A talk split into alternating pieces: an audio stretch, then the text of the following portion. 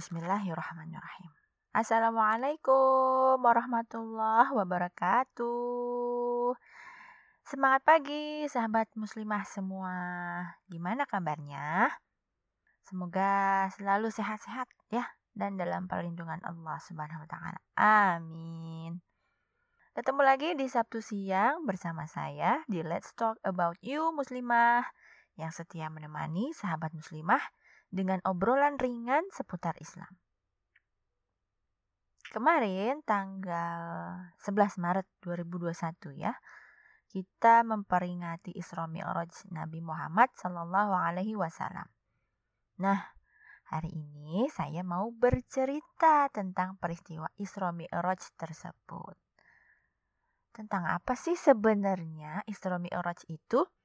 Kenapa Allah kasih Rasulullah kesempatan buat Isra Mi'raj? Seperti apa peristiwa sebenarnya? Penasaran gak sih sahabat muslimah? Yuk kita simak bareng. So let's start talking about you. Yes, you muslimah. Pertama, kita salawatan dulu. Allahumma sholli ala Muhammad wa ala ali Muhammad. Biar tambah barokah perjalanan hidup kita hari ini insya Allah. Amin. Oke, kita lanjut sebelum Rasulullah lakuin perjalanan ini ya, Rasulullah tuh lagi dilanda sedih yang luar biasa banget. Bahkan disebutnya tuh tahun penuh kesedihan atau tahun duka cita. Nah, bahasa Arabnya amul huzn. Karena orang-orang yang beliau cintai yaitu istri beliau Siti Khadijah radhiyallahu anha dan paman beliau Abu Thalib meninggal dunia. Padahal dua orang tersebut berperan besar banget buat dakwah Rasulullah di Mekah ya. Abu Talib walaupun masih berbeda agama tapi karena saking sayangnya dengan Rasulullah beliau menjadi tameng untuk Rasulullah dari pembesar Quraisy. Jadi Khadijah, Masya Allah, sudah berkorban harta, yang luar biasa. Kemudian benar-benar dampingin banget semenjak Rasulullah dapat wahyu pertama. Terus juga pelipur sedih, pelipur lara Rasulullah ketika uh, sedang sedih, dakwah nggak lancar, masya Allah. Gimana? Coba bayangin kehilangan dua orang yang seperti itu gitu. dalam hidup kita. Coba gimana? Apalagi Rasulullah ya, sedihnya bukan main. Ditambah lagi kegagalan buka jalur dakwah baru di Taif.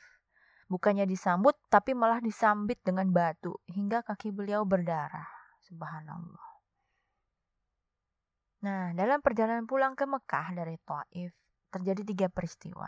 Yang pertama, Rasulullah Shallallahu Alaihi Wasallam bertemu dengan seorang bernama Adas dari Nainua, kampung halamannya Nabi Yunus alaihi salam. Dalam pertemuan itu, Adas menyatakan masuk Islam.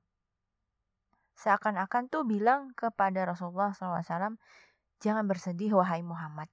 Kalau orang Mekah, orang Arab tidak mau beriman, jangan bersedih. Nih buktinya orang Nainua mau beriman. Nah, peristiwa yang kedua adalah Rasulullah SAW bertemu dengan sekelompok jin, kok nggak salah dari Yaman deh.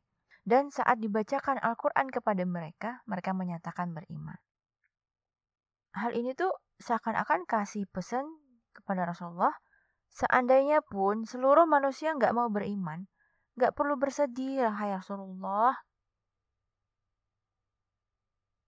Karena bangsa jin aja tuh udah ngebuktiin kalau mereka siap beriman. Di riwayat lainnya, kalau nggak salah kemarin, jin itu ada berapa ya? Lupa saya, kan jin nyaman ya.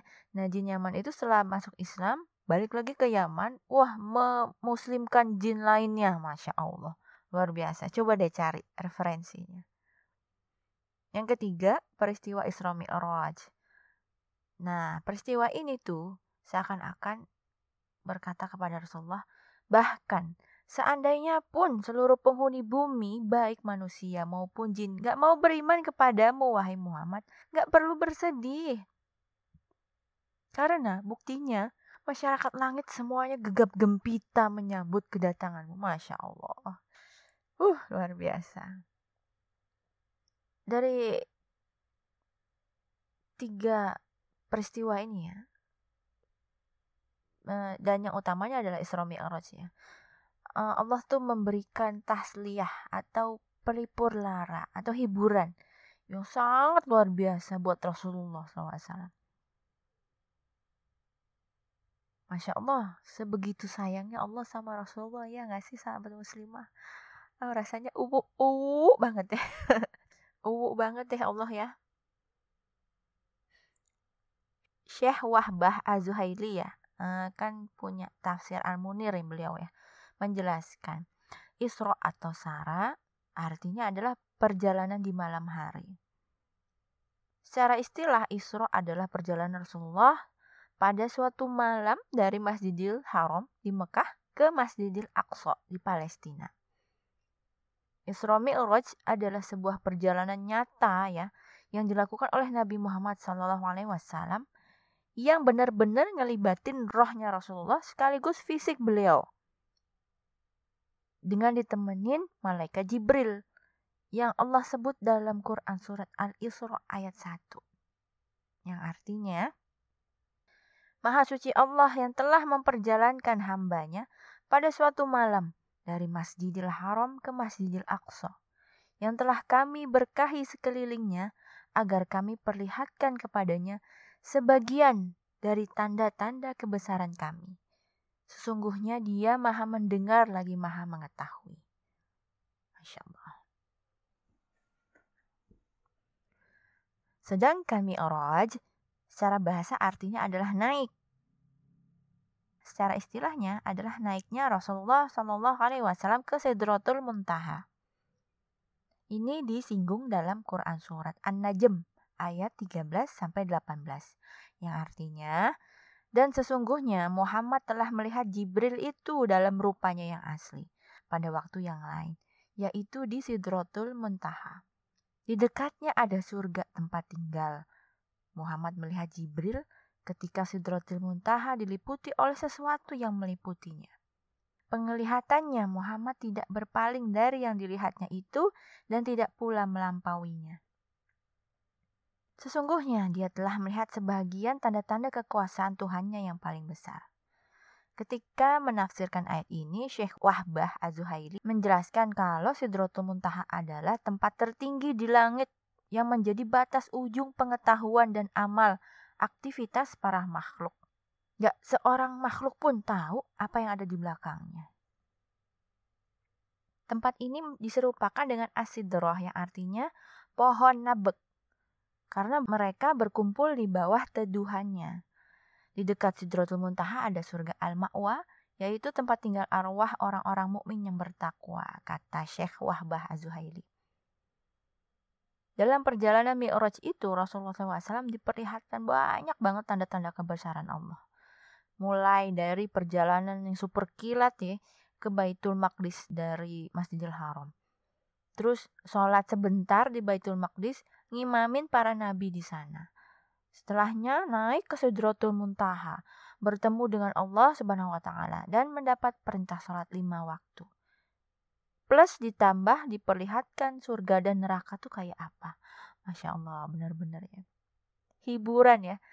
Perjalanan hiburan yang luar biasa. Dikasih tanda-tanda kebesaran Allah gimana gitu rasanya. Ya nggak sih, sahabat muslimah? Nah, itu tadi cerita singkatnya. Nah, sekarang kita simak kisah lengkap. Bismillah. Setelah sholat isya dan istirahat sejenak, Rasulullah SAW yang saat itu lagi berbaring di Masjidil Haram didatengin sama malaikat Jibril. Dada beliau dibelah untuk yang kedua kalinya. Yang pertama udah tahu kan, pasti inget kan waktu kecil ya. Lalu hatiku dikeluarkan dan dicuci dengan air zam-zam, kemudian dikembalikan ke tempatnya, dan memenuhinya dengan iman dan hikmah. Sabda beliau dalam riwayat Imam Bukhari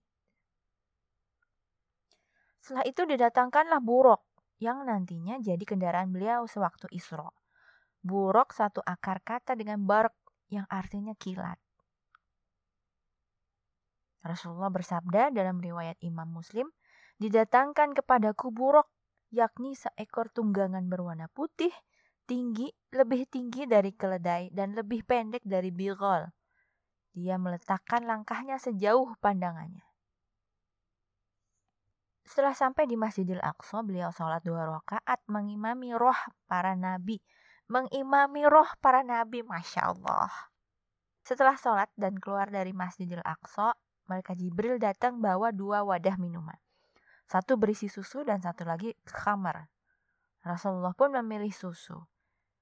Sungguh engkau telah memilih kesucian, kata Jibril dalam lanjutan hadis tadi. Kemudian Mi'raj pun dimulai. Rasulullah naik buruk bersama Jibril, yung naik ke atas hingga tiba di langit pertama. Ini dikisahkan dalam hadis yang panjang lanjutan dari hadis Sahih Bukhari tadi. Lalu aku dibawa di atas punggung buruk dan Jibril pun berangkat bersamaku hingga aku sampai ke langit dunia. Lalu dia meminta dibukakan pintu langit. Dia ditanya, siapakah ini? Dia menjawab, Jibril. Jibril ditanya lagi, siapakah yang bersamaku? Jibril menjawab, Muhammad. Apakah dia telah diutus? Dia telah diutus. Kami pun dibukakan pintu, lalu aku bertemu Nabi Adam alaihi salam. Dia menyambutku dan mendoakan kebaikan untukku. Kemudian buruk tersebut naik bersama kami ke langit kedua. Maka Jibril minta dibukakan pintu kembali. Siapakah ini? Jibril. Siapakah yang bersamamu? Muhammad. Apakah dia telah diutus kepadanya? Dia telah diutus kepadanya. Jibril menjawab. Kami pun dibukakan pintu. Lalu aku bertemu dengan dua orang sepupuku, yaitu Isa bin Maryam dan Yahya bin Zakaria alaihi musallam. Masya Allah. Maka keduanya menyambutku dan mendoakan kebaikan untukku. Kemudian buruk tersebut naik bersama kami ke langit ketiga. Maka Jibril pun minta kembali dibukakan pintu. Siapakah ini? Jibril. Siapakah yang bersamamu? Muhammad. Apakah dia telah diutus kepadanya? Dia telah diutus kepadanya. Kami pun dibukakan pintu, lalu aku bertemu Nabi Yusuf yang telah dianugerahi setengah dari ketampanan manusia sejagat. Maka Yusuf menyambutku dan mendoakan kebaikan untukku. Kemudian buruk tersebut naik bersama kami ke langit keempat.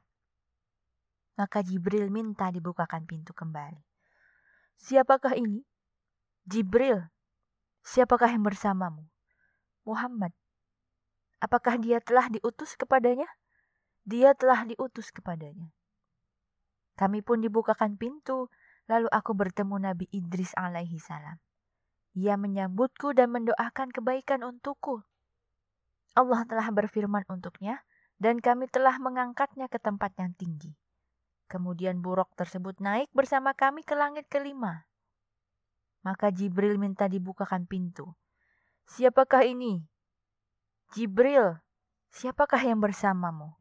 Muhammad, Apakah dia telah diutus kepadanya? Dia telah diutus kepadanya. Kami pun dibukakan pintu kembali. Lalu aku bertemu Nabi Harun. Dia menyambutku dan mendoakan kebaikan untukku. Kemudian buruk tersebut naik bersama kami ke langit keenam. Dan Jibril minta dibukakan pintu kembali. Siapakah ini? Jibril. Siapakah yang bersamamu? Muhammad, Apakah dia telah diutus kepadanya? Dia telah diutus kepadanya. Kami pun dibukakan pintu, lalu aku bertemu Nabi Musa. Lalu dia menyambutku dan mendoakan kebaikan untukku. Kemudian buruk tersebut naik bersama kami ke langit ketujuh. Maka Jibril minta dibukakan pintu. Siapakah ini? Jibril, siapakah yang bersamamu? Muhammad, Apakah dia telah diutus kepadanya? Dia telah diutus kepadanya. Kami pun dibukakan pintu. Lalu aku bertemu dengan Nabi Ibrahim alaihi salam yang sedang menyandarkan punggungnya di Baitul Makmur. Di mana tempat itu setiap harinya dimasuki oleh 70 ribu malaikat dan mereka tidak kembali lagi sesudahnya. Kemudian buruk tersebut pergi bersamaku ke Sidratul Muntaha, yang lebar daun-daunnya seperti telinga gajah dan besar buah-buahnya seperti tempayan besar.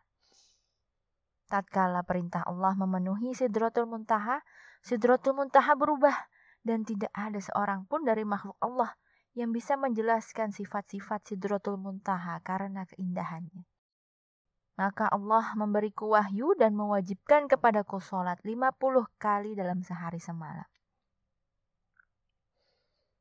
Kemudian aku turun dan bertemu Musa. Lalu ia bertanya, apa yang diwajibkan Robmu terhadap umatmu? Aku menjawab, sholat 50 kali.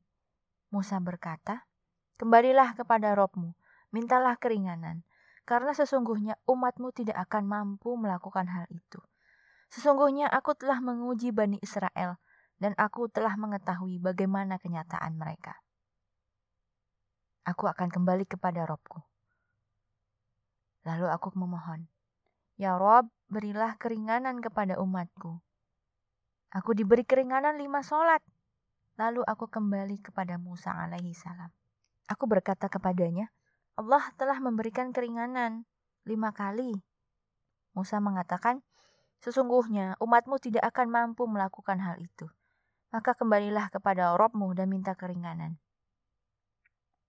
Aku terus bolak-balik antara Robku dengan Musa, hingga Robku berfirman, Wahai Muhammad, sesungguhnya kewajiban sholat itu lima kali dalam sehari semalam. Setiap sholat mendapat pahala sepuluh kali lipat, maka lima kali sholat sama dengan lima puluh kali sholat. Barang siapa berniat melakukan satu kebaikan yang dia tidak melaksanakannya, maka dicatat untuknya satu kebaikan. Dan jika ia melaksanakannya, maka dicatat untuknya sepuluh kebaikan. Barang siapa berniat melakukan satu kejelekan, namun dia tidak melakukannya, maka kejelekan tersebut tidak dicatat sama sekali. Dan jika dia melakukannya, maka dicatat sebagai satu kejelekan. Kemudian aku turun hingga bertemu Musa, lalu aku beritahukan kepadanya. Maka ia mengatakan, Kembalilah kepada Robmu dan mintalah keringanan lagi. Aku menjawab, Aku telah berulang kali kembali kepada Robku, hingga aku merasa malu kepadanya. Masya Allah ya. Begitu cerita sebenarnya dalam hadis riwayat Bukhari. Ya, sahabat muslimah, Masya Allah kayak begitu. Rasulullah menceritakan langsungnya seperti itu. Perintah sholat ya, yang diterima langsung oleh Rasulullah SAW saat bertemu langsung ya, langsung face to face dengan Allah Subhanahu wa taala. Ini merupakan bukti posisi vital risalah sholat. Sholat adalah tiang agama dan jadi rukun kedua setelah syahadat. Sholat seperti ditegaskan oleh Rasulullah merupakan identitas kuat seorang muslim. Beda antara muslim dan kafir adalah sholat, sabda Rasulullah. Nah, setelah dengar kisah lengkapnya, ada beberapa ibroh nih, pelajaran nih maksudnya, dan hikmah dari Isra Mi'raj sahabat muslimah. Yang pertama, setelah dapat cobaan nih, dapat kedukaan, kesedihan ya, sampai disebut tahun penuh kesedihan gitu ya. Allah kasih Rasulullah tuh hiburan Masya Allah dengan Isra Mi'raj ini. Jadi kalau kita ya, kita ini lagi capek ya, lagi bosen, lagi bener-bener sumuk, eh sumuk, sumuk apa ya? Uh, pokoknya capek, secapek-capeknya, letih, uh, bos, jemu dengan rutinitas. Terus kita pengen dong jalan-jalan. Ah gitu. Sebegitu senangnya kita pengen jalan-jalan iya enggak apalagi ini Rasulullah. Langsung dari Allah dikasih hiburannya masya Allah. Yang kedua adalah Rasulullah memilih susu untuk beliau minum sebelum mi'raj kan ya tadi waktu Jibril um, memberikan pilihan minuman dan Jibril memujinya ini menguatkan kalau Islam adalah agama fitrah dan kesucian yang ketiga, sesungguhnya Masjid Al-Aqsa itu punya kaitan erat dengan Masjidil Haram ya. Masjid Al-Aqsa merupakan tempat Isra Rasulullah dan kiblat pertama umat Islam. Coba dibuka lagi ya, uh, ceritanya seperti apa. Karenanya umat Islam harus mencintai Masjid Al-Aqsa dan mempertahankannya dari segala upaya penjajah Yahudi yang hendak mencaplok dan merobohkannya. Apalagi minggu ini ya, apa sama minggu kemarin adalah Pekan Al-Quds Internasional. Nah, dan ada tuibonnya tuh, coba sahabat muslimah cari ya, terus pasang deh di mana-mana. Walaupun kita nggak di sana. Dan beberapa hari lalu, dua harian atau tiga harian lalu saya baca berita begini. Lima bocah Palestina ditangkap sama tentara Yahudi Israel coba. Gara-gara apa? lagi di padang bunga nih cuma matikin bunga terus tahu-tahu warga Israel itu panggil tentaranya tentaranya datang habis itu nangkep nangkepin itu anak lima dibawa ke penjara ya Allah benar-benar ada videonya coba deh sahabat muslimah lihat mas subhanallah kejam nian mereka tuh kelihatan di videonya tentara Israel Yahudi laknatullah itu Kemudian kemarin pas hari Isra Mi'raj Imam Al-Aqsa ditangkap lagi sama tentara Israel. Astagfirullahaladzim. Benar-benar cari gara-gara sih mereka. Lihat aja balasannya Allah kayak apa. Uh, emosi jiwa saya.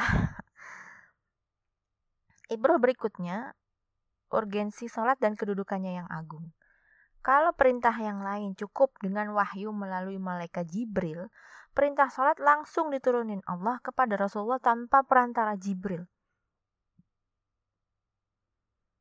Berikutnya, Rasulullah tuh mau mencapai fase baru ya, yaitu hijrah dan mendirikan negara Islam di Madinah. Maka Allah memurnikan nih barisan dakwah dengan Isra Mi'raj. Orang-orang yang gak kuat akidahnya dan mudah goyang keyakinannya, mereka murtad setelah dikasih tahu tentang Isra Mi'raj. Kenapa? Ya karena bilang, ah gile aja lo gitu kan. Nggak mungkin banget lah dalam saha, dalam satu malam doang, malam hari itu doang. Dari Mekah ke Palestina terus langit ketujuh. Gak ada yang percaya. Tapi yang imannya kuat, mereka justru semakin kuat untuk percaya dan bergabung ke Rasulullah untuk berdakwah.